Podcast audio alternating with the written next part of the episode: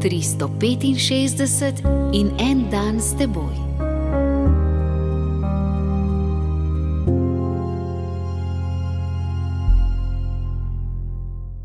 Iz knjige preroka Izaija, tretje poglavje, vrstice od 18 do 23.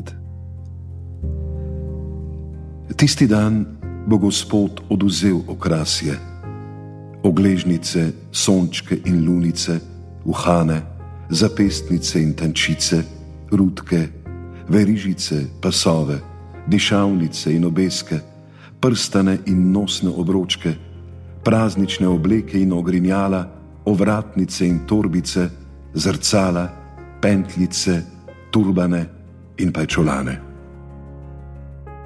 Vsakega človeka vodi neustavljiva želja, da bi bil on sam in da bi se razlikoval od drugih, kajti iz božjih rok prihajajo samo unikatne stvaritve. Če človek te želje ne čuti, to ni dobro znamenje.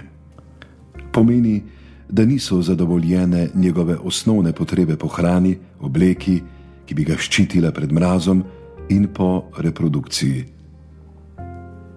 V obdobjih, ki so kulturno, versko, družbeno in politično živahna, človek zadovoljuje potrebo po uresničitvi samega sebe z resnimi in ustvarjalnimi dejavnostmi.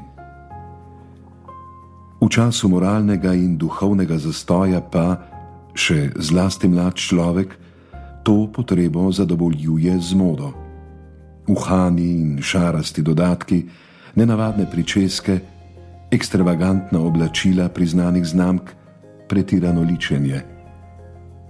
Prerokov seznam je zelo sodoben, kakor da bi ga prepisal iz kakšne bogato ilustrirane modne revije. Upitje proti modi je lajanje v luno. Morali pa bi spodbujati in ohranjati na dovolj visoki ravni moralne in duhovne potrebe ljudi.